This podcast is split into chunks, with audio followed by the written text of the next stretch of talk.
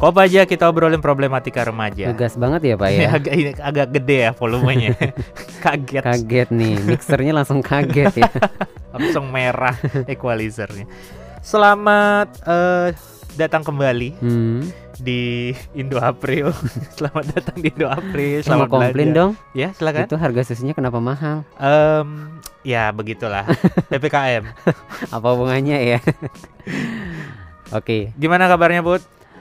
Baik sekali, luar biasa, penuh warna gitu hari-hariku. Iya, karena Iya, aku emang selalu penuh warna. waduh.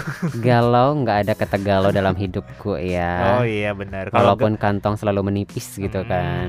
Kalau galau kan lebih ke abu-abu gelap kayak gitu ya, Hmm. gloomy gloomy. nah kalau kamu nggak ada tuh kamus eh, di kamus kamu galau itu nggak nggak ada, ada. ya? nggak ada. Yang ada tuh cerah terus. Karena aku bawa matahari ke mana-mana kan. Iya benar. lebih ke spotlight ya, lampu sorot gitu ya. Atau lampu taman gitu. Iya betul. Buat yang penasaran di mana letak lampu tamannya Joni Putra, ketemu aja langsung ya. Iya, atau lihat aja kepo-kepoin Iya, sosmed gitu kan. Identifikasi lah di mana letak lampu tamannya. Kalau Anda menemukan Anda mendapatkan 2 miliar rupiah. Dari Dodo Yuda. enggak PPKM Pak. Covid juga. Heeh. Enggak PPKM pun aku nggak sanggup dong. Iya betul. Ya ngomong-ngomongin soal lampu taman, Aduh, ini adalah hari yang spesial. kenapa? Hari peringatan tam- lampu taman nasional. Enggak, enggak, enggak. Hari ini eh bukan hari ini sih, eh, tapi di bulan ini kita memperingati Hari Anak Nasional. Kapan tuh? 23 Juli. Hmm. Jadi setiap tahunnya diperingati sebagai Hari Anak Nasional. Flashback sedikit, bagaimana masa anak-anakmu put ketika Wow. kamu masih anak-anak? menyenangkan sekali. Hal apa yang menyenangkan yang masih kamu ingat sampai sekarang? Hal yang berkesan Hal yang paling berkesan itu ya. em, waktu anak-anak. mungkin waktu SD juga kan. Nah, SD bisa bisa. Eh, tapi SD kamu udah tua bukannya? Oh, saya rasa umur 70 waktu itu ya. saya masuk SD Kejar itu paket apa ya? apa? Menyenangkan semua. atau atau hal yang paling kamu ingat di masa anak-anak? Kan Eh, emang eh, anak-anak kan nggak ini nggak selalu paling identik ya. Mm-mm. Aku pernah eh, pipis di kelas. Oh, jadi itu menyenangkan nggak sih? nggak tahu.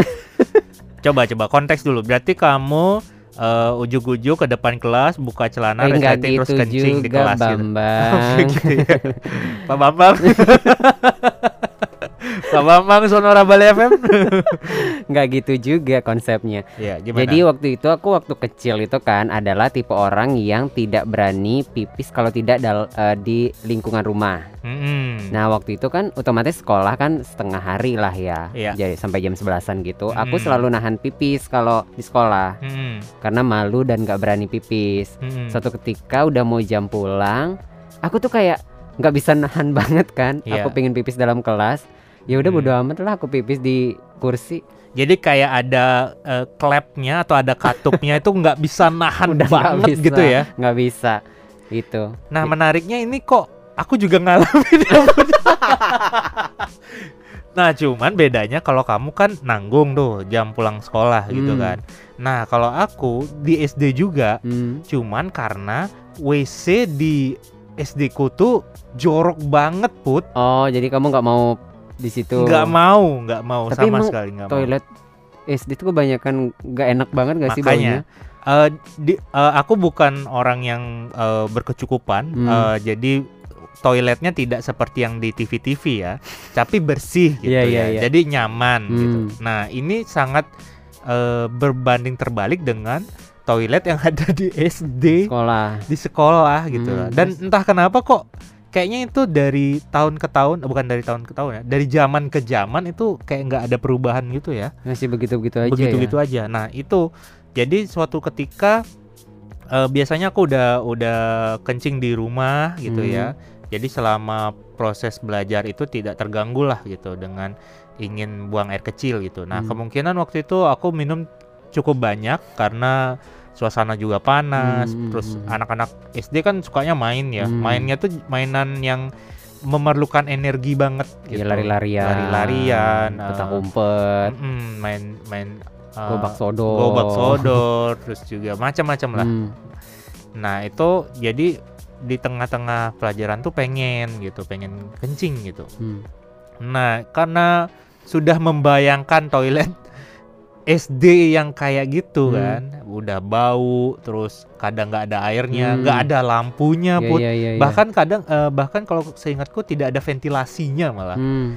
Jadi tuh coba bayangkan ketika pintu itu ditutup, terus kamu berada di ruangan itu bel- Hmm. belum belum beberapa detik kayaknya udah udah nggak nahan buat butuh mau, oksigen gitu iya ya. benar mau muntah gitu ya. Nah itulah Akhirnya akhirnya ya dengan sangat terpaksa klep penutup itu terbuka dengan tidak sengaja bablas gitu. ya. terjadilah pipis di kelas. Di Hmm. kelas. Ya ya di dalam kelas, cuman nggak orang nggak begitu tahu karena aku duduk gitu ya. Hmm, berarti nggak sampai banyak keluar gitu. Enggak, cuman ya itu jadi Prit prit prit prit gitu ya. tukang parkir. gitu. Jadi ad- masih ada usaha untuk menahan gitu ya. Hmm, hmm, hmm. Jadi ya keluarnya tidak tidak jebiar gitu. Hmm, Oh, berarti kalau kalau aku nggak gitu sih. Benar-benar keluar semua sampai Sam- netes di oh, sam- lantai gitu. Sampai bercucuran di Hmm. lantai gitu ya. Berarti ada yang ngeh dong, ada yang lihat dong. Karena waktu itu posisi aku banyak yang tidak berani eh apa ya kayak istilahnya bukan ngebully ya, kayak apa sih namanya? Eh, kamu kok pipis nggak ada yang berani bilang seperti itu. Ah, Ya mereka diem-diem aja dibiarin aku pipis gitu aja. Padahal ya udah tel del del del del del gitu. Hmm, jadi menetes demi tetesan-tetesan itu mereka tahu cuman nggak nggak berani, berani. bilang gitu ya. Ah. Nggak enak kali put. Bus bisa jadi sih. Sungguh sangat setia kawan sekali. Karena aku orangnya kan nangisan ya waktu SD. nangisan. Digigit semut aja aku bisa nangis Oh, berjam-jam gitu. Jadi orang-orang lebih segan Iya. untuk untuk ini ya, untuk bilang langsung Ah, gitu. ntar ya. nangisnya kan susah juga. Ya, itulah kira-kira masa kanak-kanak kita ya. Kalau t- sahabat sonara punya masa kanak-kanak juga silakan diobrolin ke kita juga, kita kasih Hmm. tahu ke kita. Nah, ngomong-ngomongin soal kencing di celana, Lah, heeh. enggak ya sih. ngomongin masalah eh, masa kanak-kanak, masa Hmm. anak-anak gitu ya. Dan kita kali ini mau ngobrolin dampak perkawinan anak. Hmm, ada ya. Iya ada. Jadi kalau di masa anak-anak kita mungkin kita tidak terlalu tahu ya kalau ternyata di lingkungan kita itu banyak juga yang sudah menikah di usia anak gitu. Nah Mhm. zaman dulu nggak terlalu terblow up, Hmm. tapi di sekarang-sekarang ini makin makin naik Hmm. eh, kasusnya. Ada data nggak sih? Ada. Jadi eh, bagus sekali ya bridgingnya ya. Kebetulan sekali saya bawa data gitu ya. Iya. Jadi Karena saya udah ngelirik juga. Ternyata ada data di sana. Ya ini jadi eh, ini data sederhana ya teman-teman. Hmm. Eh, sebenarnya datanya ada banyak yang yang yang lebih lebih bisa diakses di eh, Komnas Perempuan gitu ya. Komnas Perlindungan Perempuan. Nah, kalau kalau kami kutip dari Factsheet Perkawinan Anak eh, UNICEF itu di tahun le- 2018 sekitar 11% atau satu dari 9 perempuan berumur 20 sampai 24 tahun dan sekitar satu persen atau satu dari 100 laki-laki berumur 20 sampai 24 tahun menikah sebelum usianya 18 tahun. Hmm. Jadi eh, sebelum 18 tahun secara eh, apa ya? Secara undang-undang itu masih usia anak, usia Hmm. anak-anak gitu. Nah, jadi ketika 11% perempuan ini dan eh, satu persen laki-laki ini menikah di usia 18 eh, di bawah 18 tahun, dia menikah di usia anak-anak. Hmm, hmm, hmm. Nah, di tahun 2018 tersebut diperkirakan ada 1.220.900 anak perempuan yang menikah sebelum usianya 18 tahun. Satu jutaan. Hmm, jadi ada 2018. 2018 udah ada satu jutaan, satu juta dua ratusan Hmm. anak perempuan yang menikah sebelum usianya 18 tahun. Hmm, hmm, hmm. Kalau berdasarkan data BPS tahun 2020, perkawinan tersebut terjadi karena yang pertama rumah tangga dengan kuintil pengeluaran lebih rendah. Nah, kuin- kuintil ini ini adalah eh, apa ya? pengelompokan pengeluaran rumah tangga yang yang di, dikelompokkan oleh BPS Badan Pusat Statistik. Jadi istilahnya kuintil ya, teman-teman ya. Oh, tak kira ini kan. Eh, kuintil anak bukan ya. Nah, anak perempuan dari rumah tangga dengan kuintil pengeluaran terendah hampir tiga kali lebih mungkin untuk menikah sebelum umur 18 dibandingkan dengan anak perempuan dari rumah tangga dengan kuintil pengeluaran uh, yang tertinggi. Nah, Hmm. Jadi banyak yang anak perempuan yang menikah di usia di bawah usia 18 tahun ini karena kuintil pengeluarannya rendah gitu ya Hmm. di rumah tangganya. Kemudian faktor yang kedua itu karena daerah pedesaan gitu ya.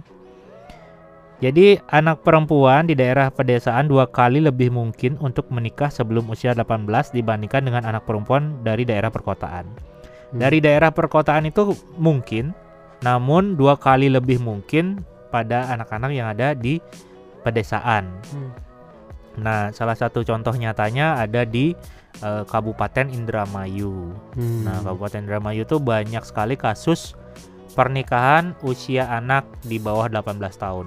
Hmm. Jadi 17 tahun begitu akhir balik udah langsung dicarikan eh, jodoh sama orang tuanya. Hmm.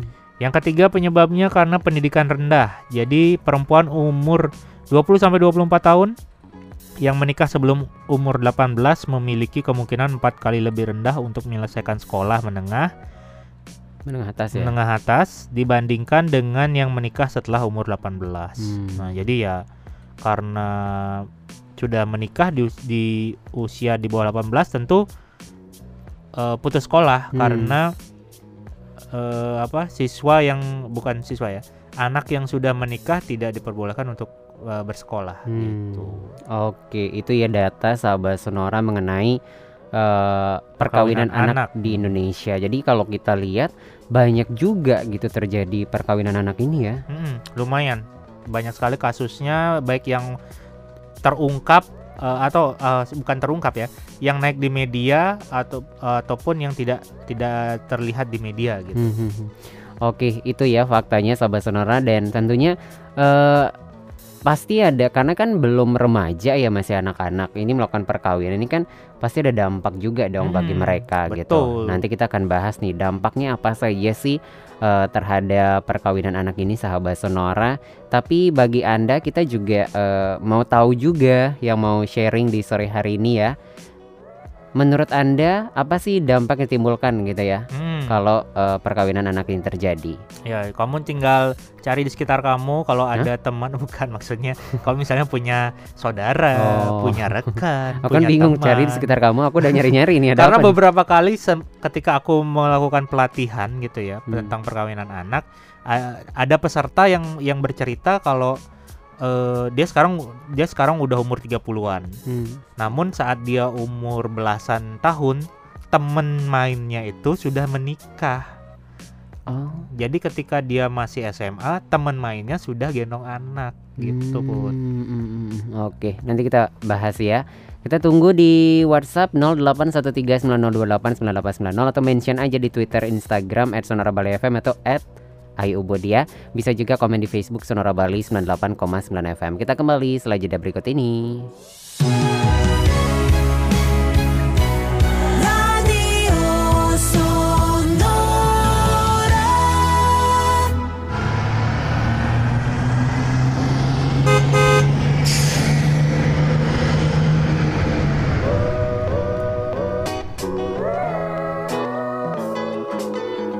Kok aja kita obrolin problematika remaja bersama Jimin BTS dan Nasar mati lampu.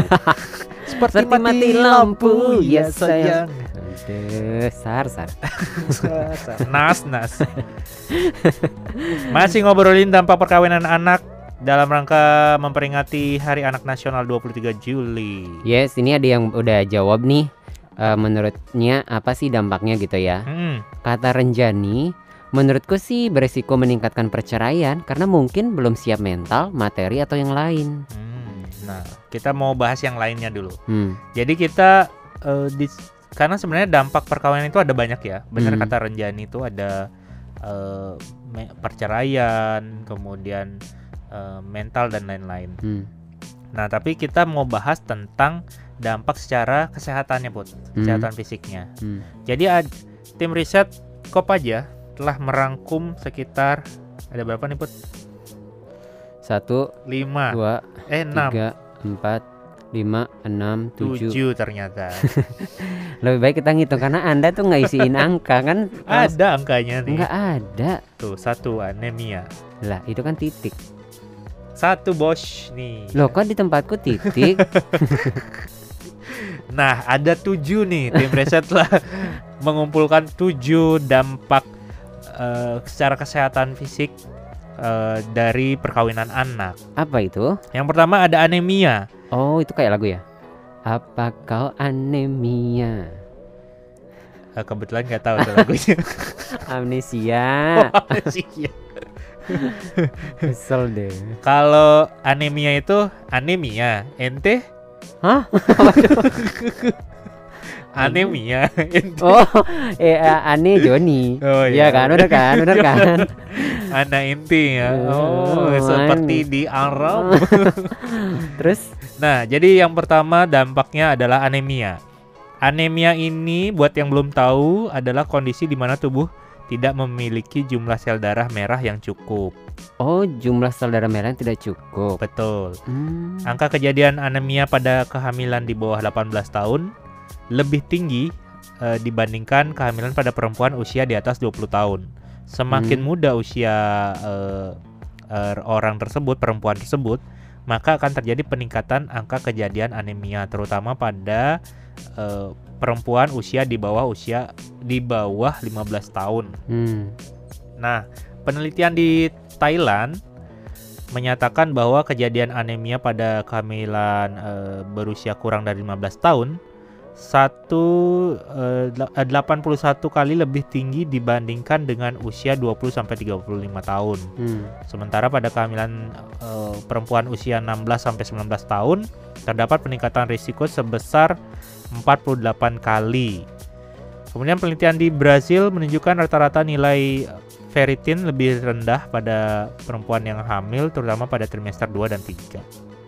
Kemudian pada penelitian yang dilakukan di Bengkulu, Indonesia, Hmm. didapatkan sebesar 27,9% remaja Indonesia yang hamil menderita anemia selama kehamilannya. Sementara Hmm. pada data rekam medis di Rumah Sakit eh, Cipto Mangunkusumo atau RSCM pada Januari sampai Oktober 2014 didapatkan angka kejadian anemia pada kehamilan remaja itu sebanyak 3,36%. Hmm. Nah, anemia pada kehamilan merupakan faktor risiko tertinggi, eh, risiko tinggi terjadinya keguguran, kemudian kematian janin saat persalinan, kelahiran prematur dan kematian ibu. Jadi Hmm.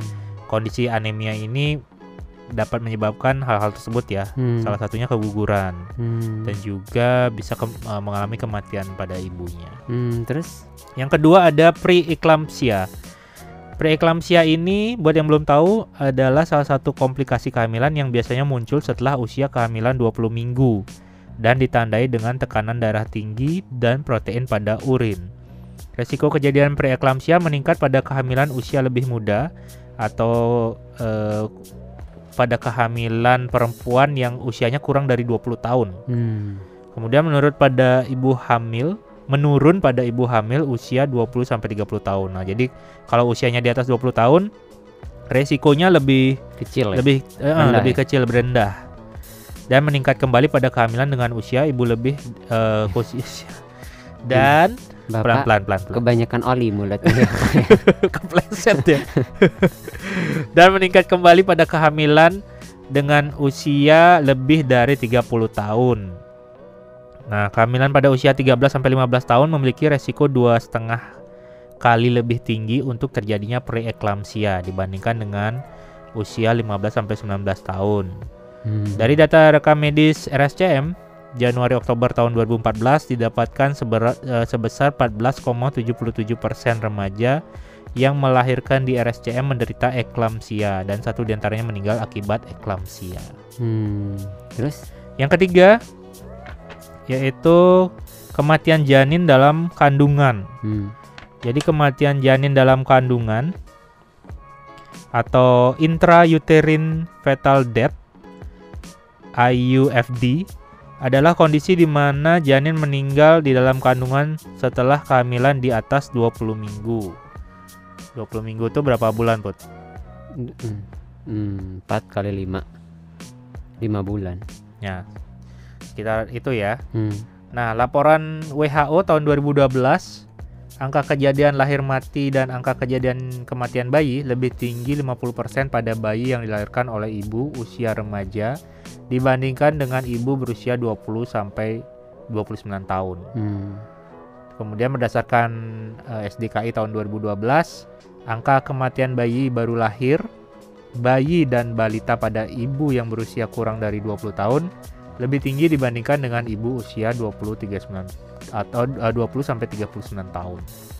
Nah, 20 sampai 39 tahun itu adalah usia-usia produktif. Hmm. Jadi kalau di bawah itu dia sudah dia sudah puber, sudah bisa eh, apa ya? Sudah bisa hamil Hamil, gitu ya, ah. sudah bisa hamil namun resikonya sangat tinggi sekali Hmm. termasuk kematian dalam kandungan. Oke, maka itu tidak eh, banyak yang tidak tidak disarankan gitu ya melakukan pernikahan itu di usia-usia yang belum matang gitu Iya, ya. betul, secara reproduksinya belum matang. Hmm, Mungkin oh, satu lagi ya. Oke. Eh, yang keempat itu adalah prematur. Jadi persalinan prematur merupakan dampak dari kehamilan remaja yang paling sering ditemukan. Persalinan prematur adalah persalinan yang terjadi sebelum usia kehamilan menginjak 37 minggu. Berapa bulan Hmm. tersebut? Berapa? 37 minggu.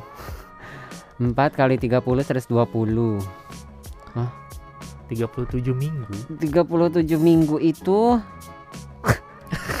Tolong. 4 kali 7 4 kali 8 32 8 bulan Ya. 8 bulanan lah Mm-mm. oh iya 8 bulan 1 7 minggu Ya, jadi yes boleh pulang intinya prematur itu belum belum waktunya eh, karena kan secara kematangan eh, persalinan itu kan di usia 9 bulan gitu ya. Hmm. Makanya 9 bulan ibu mengandung gitu ada ada istilahnya gitu. Nah, Hmm. di bawah itu dia termasuk persalinan secara prematur gitu. Hmm. Nah, beberapa penelitian menyebutkan bahwa persalinan prematur lebih sering ditemukan pada kehamilan remaja dibandingkan dengan ibu berusia di atas 20 tahun. Hmm. Penelitian di Hong Kong pada tahun 2006 sampai 2008 didapatkan tingkat kejadian persalinan prematur pada usia kehamilan 24 sampai 28 minggu itu dua setengah kali lebih tinggi pada kehamilan remaja tuh remaja lagi tuh. Hmm. Kemudian penelitian di India pada tahun 2006 sampai 2013 menyatakan 33,7 persen persalinan prematur terjadi pada remaja, sedangkan pada dewasa hanya 8,72 persen. Wow, jauh sekali gapnya ini ya. Mm-mm. Kemudian data penelitian RCM Indonesia tahun 2012 persalinan prematur lebih tinggi pada kehamilan remaja sebesar 40% dibandingkan dengan usia di atas 19 tahun sebesar eh, sebesar 32%. Nah, ini memang nggak jauh sih gapnya tapi tetap tinggi ya. Hmm. Dan data rekam medis RSCM periode Januari Oktober 2014 menunjukkan angka kejadian 52,35% dari seluruh kehamilan remaja pada periode tersebut. Hmm. Oke, dampaknya masih ada tiga ya kita rangkum ya. Mm-mm, Tapi, tapi mau jeda dulu. yes, Nampaknya eh, bibirnya Dodo butuh istirahat ya.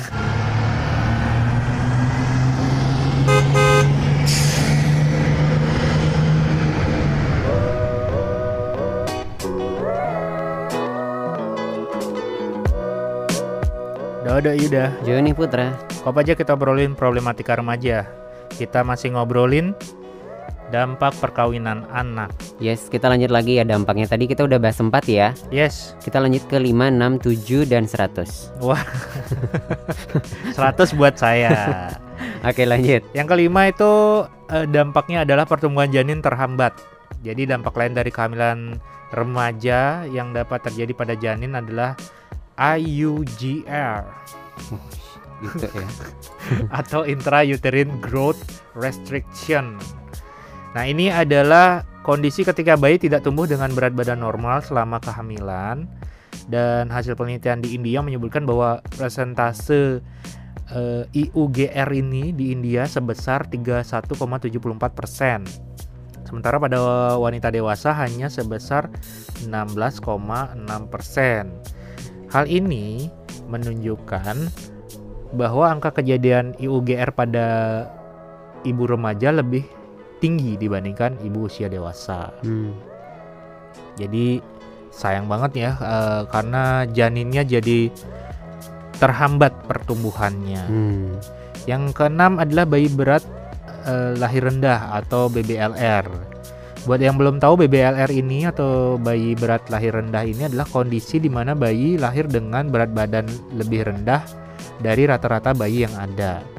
Biasanya kondisi ini terjadi akibat dari kehamilan prematur atau adanya kehambatan Hmm. pertumbuhan janin selama masa kehamilan. Hmm. Untuk BBLR akan dibahas lebih dalam pada bab berikutnya. Oh ini kayak ini ya, eh, kayak kuliah ya ada bab-babnya ya. Saya tunggu deh Pak bab berikutnya ya. Saya nggak mau belajar setengah-setengah. Nah, yang berikutnya adalah ya, resiko resiko lainnya. Jadi eh, tadi lebih banyak ke apa ya ke janinnya, ke ibunya dan lain-lain. Nah, sekarang kalau resiko lainnya itu kehamilan remaja memiliki konsekuensi yang besar terhadap kesehatan ibu dan bayi. Jadi nggak cuman kesehatan ibunya atau nggak cuma kesehatan bayinya, tapi keduanya. Komplikasi kehamilan dan persalinan adalah penyebab utama kematian remaja usia 15 sampai 19 tahun secara global. Jadi terdapat 99% kasus kematian perempuan usia 15 sampai 49 tahun terjadi di negara-negara tingkat perekonomian menengah ke bawah. Ibu muda usia 10 sampai 19 tahun memiliki resiko lebih besar untuk menderita eklamsia, endometris puerpera, dan infeksi sistemik dibandingkan ibu usia 20 sampai 24 tahun. Nah, persalinan usia muda juga meningkatkan resiko kesehatan baik bagi janin maupun ibu. Hmm. Bayi yang lahir dari ibu usia di bawah 10 tahun memiliki resiko yang lebih tinggi untuk terjadinya BBLR, prematur, dan komplikasi neonatal. Di beberapa tempat, kehamilan berulang dengan jarak dekat menjadi perhatian pada ibu usia muda karena dapat meningkatkan resiko lebih lanjut gitu. Jadi Hmm. eh, resikonya itu nggak cuman eh, bayinya lahir di prematur gitu ya Hmm. bukan bukan hanya bayi lahir prematur terus usia ibunya yang yang eh, terlalu muda gitu Hmm.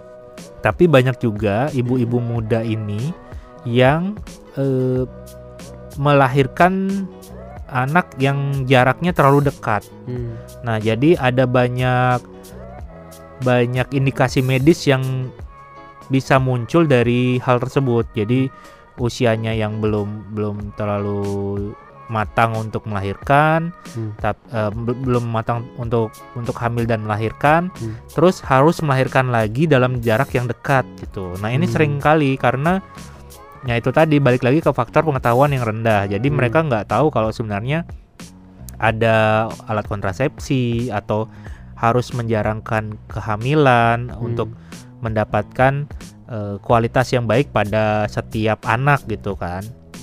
Nah, ini sering sering kali terjadi pada eh, perempuan perempuan di bawah eh, yang menikah di bawah usia 18 tahun. Hmm, Oke, itu ya dampak-dampaknya yang eh, bisa ditimbulkan seperti itu dari yang namanya perkawinan pada anak. Ya, kita baskom. Bahas komentar Ki. Iya, baca semua komen. Baskom ting ting ting ting Tadi, tuh udah ada Renjani. Renjani. Lanjut Gunung ke- kali ya. Lanjut ke Lala Lala Widi. La la la, li li li. Tralala Lili. Katanya dampaknya ketidakstabilan emosi karena menikah di saat belum dewasa secara pola pikir yang mengakibatkan perceraian. Hmm, ya benar-benar. Jadi ini salah kalau menurut Lala dampaknya adalah perceraian ya. Sama kayak tadi Renjani ya. Hmm, Banyak juga itu.